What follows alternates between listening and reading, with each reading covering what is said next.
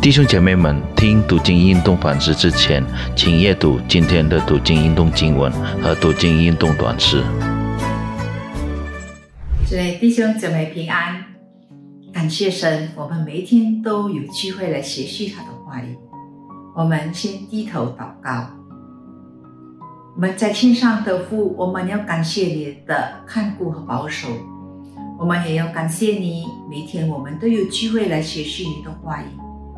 这时候，求圣灵帮助我们明白你的话语，并可以把你的话语运行在我们日常生活中。谢谢你这样祷告，奉靠耶稣基督的名，阿门。我们今天要学习的经文取自于马太福音第一章第十八到二十五节。所以弟兄姐妹们，我们每一天。都会计划一整天想要做的事。如果我们没有定下计划，我们会觉得生活仿佛变得慢、无目的。本日经文讲述，约瑟和玛利亚已经订婚了。然而，约瑟对玛利亚很失望，因为结婚之前。他发现玛利亚已经怀孕了。倘若触犯了法则，像玛利亚已经怀孕，就要用舌头打死她。这有记载《生命记》第二十二章二十三到二十四节。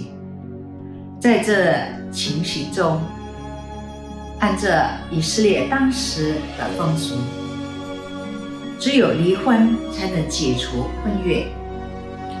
我们来看马太福音一章第十九到二十一节。她丈夫约瑟是个艺人，不愿意明明的羞辱她，想要暗暗的把她休了。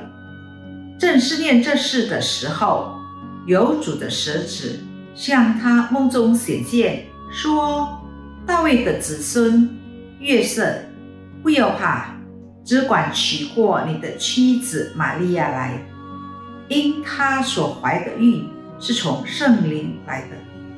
她将要生一个儿子，你要给他起名叫耶稣，因他要将自己的百姓从罪恶里救出来。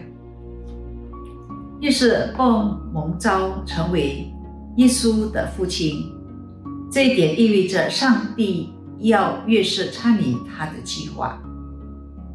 虽然越是与玛利亚的婚姻，从人的角度看是不符合月色的计划和理想，但越是选择顺从上帝的呼召，在二十四节告诉我们，越是娶了玛利亚，但没有与她同房。直到玛利亚生下孩子，主内弟兄姐妹们，在您家庭中，可能你已经为你的家庭成员们，包括你的儿女们，计划了好些事情，并且努力工作，尽全力抚养和栽培，好让他们有美好的未来。但当事情没有按呃计划而行时，你是否会感到失望？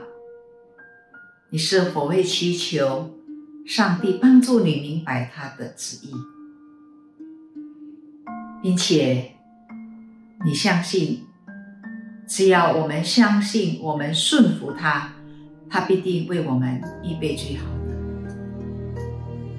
或许。在教会服饰中，当你认为你已经付出了你的能力、时间、金钱，要为上帝献上上好的，但你所付出的不被同工们尊重，把你所付出的不当是一回事，你会觉感觉到灰心失望吗？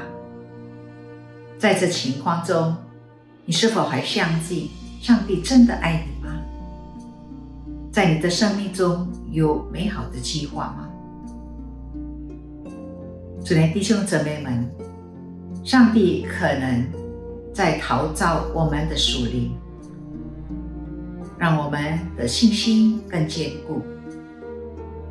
我们的任务就是顺服、遵行上帝的旨意。这里弟兄姊妹们，在欢度这圣诞佳节中，我们要向上帝祈求，使我们更加的认识他，更能明白他在我们生命中的旨意。以赛亚书第五十五章第八到第九节这样说。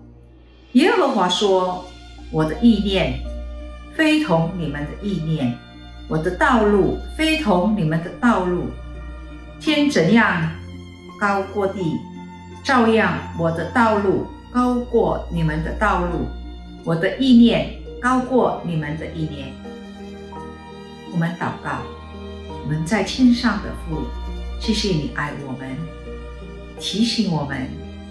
在每日生活中，我们必须顺服你，因为我们每天都活在你的恩典之下。